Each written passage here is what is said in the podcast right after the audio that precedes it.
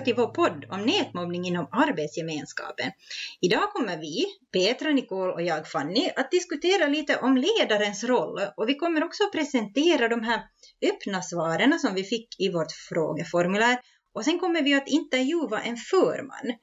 Vi kommer lite att fundera om den här ledaren, för ledaren den är så viktig, hen är så viktig på arbetsplatsen. Och ledaren fungerar ju som en förebild. Ledaren ska vara engagerad, ledaren ska vara trovärdig och lite gå efter det här att man lever som man lär. I förra poddavsnittet så berättade vi om vårt eh, frågeformulär som vi hade skapat då just för att få en bättre inblick i det här fenomenet. Och där hade vi en punkt med öppna svar och där fick man kommentera om den här upplevda nätmobbningen. Då. Och nu tänkte vi lite läsa upp de här för er. Och vissa av dem är förkortade, för vi fick in ganska långa svar, och andra är översatta. Arbetskamraterna har en egen grupp där jag och en annan arbetskamrat inte får vara med. De övriga arbetskamraterna träffas också ibland på kvällen utanför arbetstid och skriver sedan om det på Instagram och Facebook hur trevligt de haft det, men vi har aldrig blivit tillfrågade om vi vill vara med. En kollega förhöll sig homofobiskt mot mig på nätet utanför arbetstid. Det här påverkade klart negativt vårt samarbete på jobbet. Uteslutning av arbetskompisar i olika grupper på nätet. Sexuella trakasserier, utelämning under e-postlistor. I de flesta fall samma förövare, avbrytare, förminskande, informationsbrist som fört mig i dåligt ljus, flyttande av palavers utan att informera, detta under coronatider, före det samma sak. Under förmannens palavers har jag svarat på kollegors privata meddelanden vad man kritiserar förmannen eller hens sätt att framföra saker. Det är lätt att man dras med att baktala någon via sociala medier även om det bara är sinsemellan med kollegan. Olika situationer var en arbetare valt ut en kollega att mobba i tur och ordning. Efter många försök att ta, ta tag i detta var det först när mobbaren sa upp sig som mobbningen och illamåendet i arbetsgemenskapen tog slut har läst många mejl var kollegor nog blivit mobbade. Har upplevt att människor baktalar varandra via privata meddelanden på Facebook till exempel, mellan varandra, skickar bilder, screenshots eller skrattar bakom ryggen åt något en arbetskompis har sagt eller gjort, lagt upp quote som pikat på någon enskild kollega och så vidare. Tanken slog mig att man ibland inte svarar på mejl som andra av andra orsaker, exempel brådska, men det kan ju inte avsändaren veta. Väldigt rakt språk, inget filter på. Ingen finkänslighet att mottagaren kanske upplever det skrivna ordet på ett annat sätt än avsändaren. Jag upplever att man på min arbetsplats blir rangordnad enligt befattning och blir utan information för att man har för små skor. Jag jobbar i en organisation som i teorin är utan hierarki men i praktiken är det vissa chefer större än andra chefer och de små lämnas utanför i besluten och till och med diskussionerna trots att de har samma ansvar, bara inte i lika stor skala upplevt på tidigare arbetsplatser att kollegor blockerat varandra på sociala medier och dylikt och på så sätt frusit ut varandra. Förmannen medveten, ingenting ändrat. Och den där sista, det är ju den där starka kommentaren, alltså det är den där som, som man måste börja fundera på. För att i Finland så säger de ju faktiskt att när arbetsgivaren vet om att det sker arbetsplatsmobbning vare sig det är på nätet eller på det fysiska så måste man ju ta itu med det. Och jag tycker det här är en av de där starkare svaren. Men vad tyckte ni? Alltså vad fastnade ni på när, ni, när vi läste igenom de här? Det som jag fastnar för, så att när vi nu pratar om det här nätmobbning, är ju just det här Instagram och Facebook som ett, ett nytt då fenomen i arbetsgemenskapen är ju den här just, som det första som ni läste upp, att det här med arbets, arbetskamrater som har egna grupper och som sen sätter upp fina och trevliga bilder om hur roligt de har haft. Men alla har inte blivit bjudna till de här tillställningarna. Att, att det ju känns ledsamt för dem som inte fick vara med. Jo, och det här är ju sånt som har återkommit både i vår förundersökning och i det här frågeformuläret som vi har skickat upp. Alltså det här att man inte får vara med i WhatsApp-grupper. Man blir inte inbjuden på de här mejlkedjorna, man blir utanför. Och sen verkar det som hela, att man sätter upp sådana bilder, att det är liksom en statement. Jo, jo det är så. Och det handlar ju just om det att den, det är den här direkta mobbningen. Det är ju inte så där att du i misstag kastar ut en bild på din kollega där den här kollegan ses i ett dåligt ljus, utan det är ju en, en medveten gärning. Jag funderar över hur många av de här situationerna har slutat. Speciellt den som jag läste först upp om en kollega som har förhållit sig homofobiskt mot en annan. Tog någon någonsin tag i saken och vad gjorde arbetsgivaren? Är alla kvar på jobbet? Och fick de det här utrett? Det kommer vi aldrig att få veta. Nej, och det här är ju gemenskapen på arbetsplatsen lider ju. Här är ju en, en arbetsgrupp som inte fungerar. Och det betyder ju att alla mår dåligt. Det är ju inte bara den som har utsatts för de här trakasserierna som mår dåligt, utan det här är ju en icke-fungerande grupp. Och det är ju här som det skulle behövas ett starkt ledarskap, där man sätter gränser. Och då kommer vi lite in på det här stödjande ledarskapet som en av, desto viktigare med stödjande ledarskap på distans. Och när man pratar om stödjande ledarskap så det är ett ledarskap som skapar förtroende, ett, som, ett ledarskap som gör att, att arbetsplatsen har ett stöttande klimat. Den här ledaren är engagerad och aktiv i arbetsgruppen och framförallt närvarande och även det på distans. Det här var någonting som vi frågade Stefan Blomberg om. Att vilken är den stödjande ledarskapsrollen då den sociala miljön är ute på nätet? Och han svarar så här. Att vara en stödjande ledare innebär att bry sig om sina medarbetare. Att då leda på distans innebär att det handlar om att på olika sätt visa att medarbetarnas situation intresserar chefen. Det kan ske genom att höra av sig på olika sätt och fråga hur det går, om de behöver någon form av hjälp eller stöd. Det handlar också om att se till att man är tillgänglig om eller när någon behöver akut hjälp eller om det händer något viktigt. Det går att skapa upplevelser av att vara tillgänglig även då man leder via distans. Man ska akta sig för att försöka detaljstyra eller kontrollera medarbetarna. Att leda på distans fungerar allra bäst genom tillit och tydlighet. Och det här är ju stödjande ledarskap. Men ingen av oss har arbetat i en sån här ledarskapsposition. Och för att få inblick i det här, så på bästa sätt gör man ju så att man kontaktar en förman.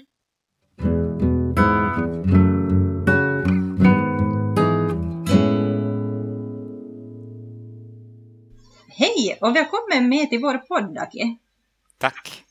Hör du, nu tänkte vi först fråga dig att vad är det bästa med att jobba som förman? Vad gör att du trivs på ditt jobb? No, jag eh, gillar att jobba med människor och koordinera projekt och leda verksamhet. Och helt enkelt intressanta arbetsuppgifter. Att vi har massor av nya projekt som håller mig aktiv. Och sen kan jag också eh, utveckla min kompetens som chef, så det är det bästa. Vilka det där eh, ser du att är de största utmaningarna för en ledare när det är frågan om arbetsplatsmobbning? Eh, ja, eh, arbetsplatsmobbning det är en väldigt, väldigt allvarlig sak om det uppstått en sån där eh, mobbningssituation.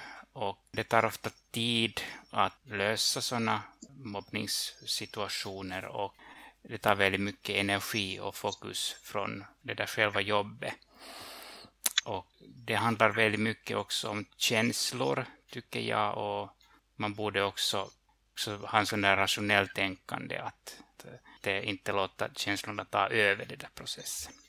Ser du någon skillnad sen när det handlar om nätmobbning? I och med att du också jobbar hemskt mycket på distans, så hur ser du den här skillnaden då i, och hur, hur agerar som en ledare när det handlar om nät? det, det är sant att det är liksom lite olika forum om man säger så att mobbningen kan liksom uppstå också till exempel på social media. Där kan det vara det problemet att eh, det kan vara svårt att göra skillnad när det är liksom arbetsrelaterat eller privat. Och eh, Ja, precis. Och sen, sen att, eh, liksom att chefen ska få det där kännedom till att det uppstått en sån där Eh, mobbningssituation eller konflikt, det, det, eh, eh det är också en utmaning. Hur skiljer man på privata och arbetsrelaterade konflikter? Jag tror att det inte finns uh, ett enda rätt svar för det här, utan Nej. de där situationerna är väldigt, väldigt komplexa. Att en mobbningssituation kan liksom börjat så att uh, någon skrivit någonting elakt på, på social media och sen sprider den vidare och vidare. Jag tycker att det handlar väldigt mycket också om det där arbetslivet helhet, att numera pratar man väldigt mycket om det att hur eh, det där arbetslivet går ut över det privata livet och jag tror att det är samma struktur här, att också konflikter sprider från arbete, arbetslivet till privata livet och tvärtom. Det, det kan vara svårt att uh, se de där skillnaderna, men, men, men att, uh, jag tror att det, det viktigaste är att när man ingriper i situationen så uh, försöker man först ha sån där helhetsbild vad som, vad som har hänt och sen kanske försöka liksom kartlägga vad som är arbetsrelaterat och vad som är privat i det här fallet. Ja, och många gånger tänker man kanske att den här ledaren, alltså förmannen, hen har ju lösning på allt, hen vet allting. Men att som ledare är man ju också bara en människa. Då är det ju jätteviktigt att arbetsgruppen känner sitt ansvar också. Har du några tankar om att hur är det att vara en närvarande ledare på distans? Ja, alltså det, det är ju en, en viktig fråga numera när man jobbar mera och mera distans. Att det där behovet att ha en närvarande chef, det, det, det, det försvinner inte eh, när, när man jobbar distans utan kan vara ännu, ännu starkare för team, teamet. Och äh, där gäller det mycket om att handla, äh, skapa sådana såna strukturer att, att man är anträffbar och alla medarbetare kan, kan kontakta dig vid, vid behov.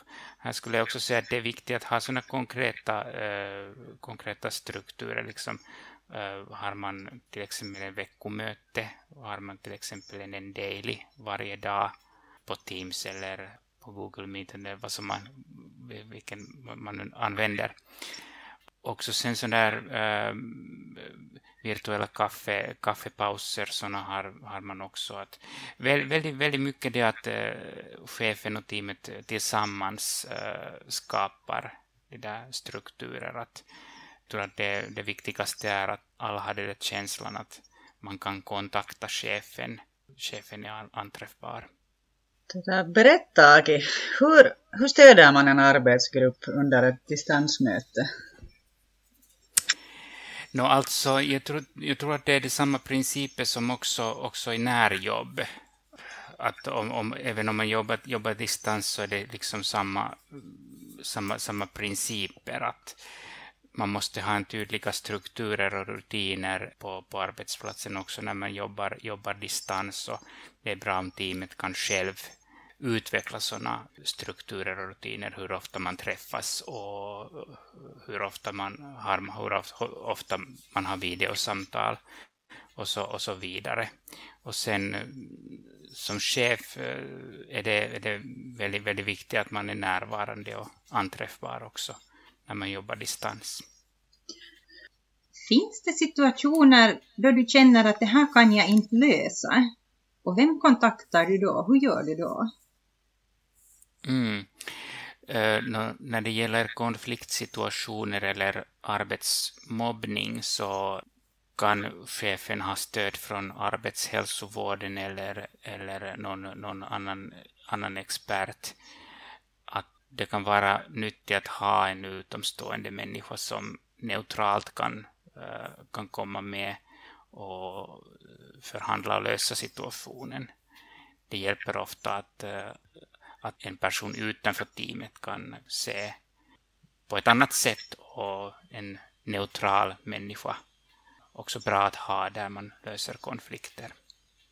Jag tycker att det eh, handlar mycket väl att man har, har sådana bra relationer att man litar på varandra när man pratar om konflikter och mobbning.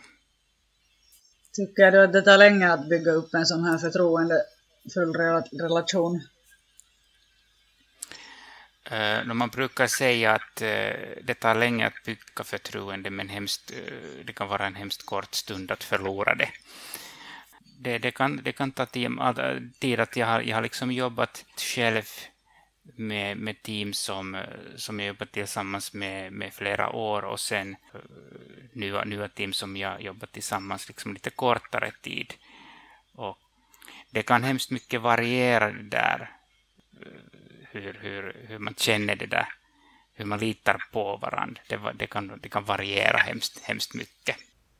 Till sist så, så, så har vi en sån här sak som, som är liksom genomgående genom vår podd, som egentligen är det som vi har som sån här kärna.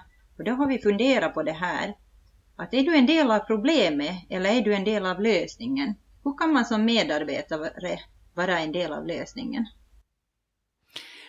Mm, no, det är just det att man aktivt deltar i det här, om, om, man, om det skulle liksom eh, vara en mobbningssituation så måste det liksom eh, behandlas och, och hitta, hitta svar hur, hur, hur går, går vi vidare. Och då är du absolut en del av lösningen när du jobbar och kommer, in, kommer med med dina, dina åsikter. Och sen äh, jag skulle också vilja se också det där förebyggande arbetet, att allt äh, alltså det bästa sättet är att före, förebygga mobbningen så att man är absolut en del av lösningen när man är aktiv del av teamet och delar sina åsikter och respekterar alla andra. Så jag tycker att det är en bra, bra start. Så man, man är absolut med en del av lösningen.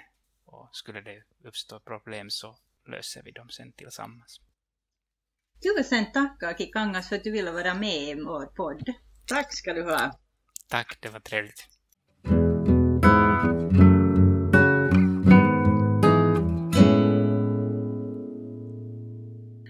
Och här fick vi ju då höra hur en stödjande ledare fungerar, hur en förman som är där för sin grupp fungerar. Och är man inte en stark ledare som vågar sätta gränser så kan det faktiskt få jätteallvarliga konsekvenser. Och det här frågar vi Blomberg om och han svarar så här. Slutligen är det mycket viktigt att inte gå med på att den som framför anklagelser får vara anonym gentemot den som anklagas. Anonymitet skapar enorma problem i dessa situationer och leder alltid till att situationen förvärras och att den som anklagas upplever situationen som djupt orättvist, vilket kommer att förvärra situationen dramatiskt. Det innebär också en mycket stor hälsorisk för den anklagade. Ogrundade anklagelser som tillåtits vara anonyma har lett till flera kända självmord. Och det här är någonting som alla forskare har skrivit i de texterna som vi har läst. Ja, det finns ju en orsak varför alla tar upp det här. Det här handlar ju inte om man kanske mår lite dåligt en stund och så går det över. Utan det här har allvarliga konsekvenser.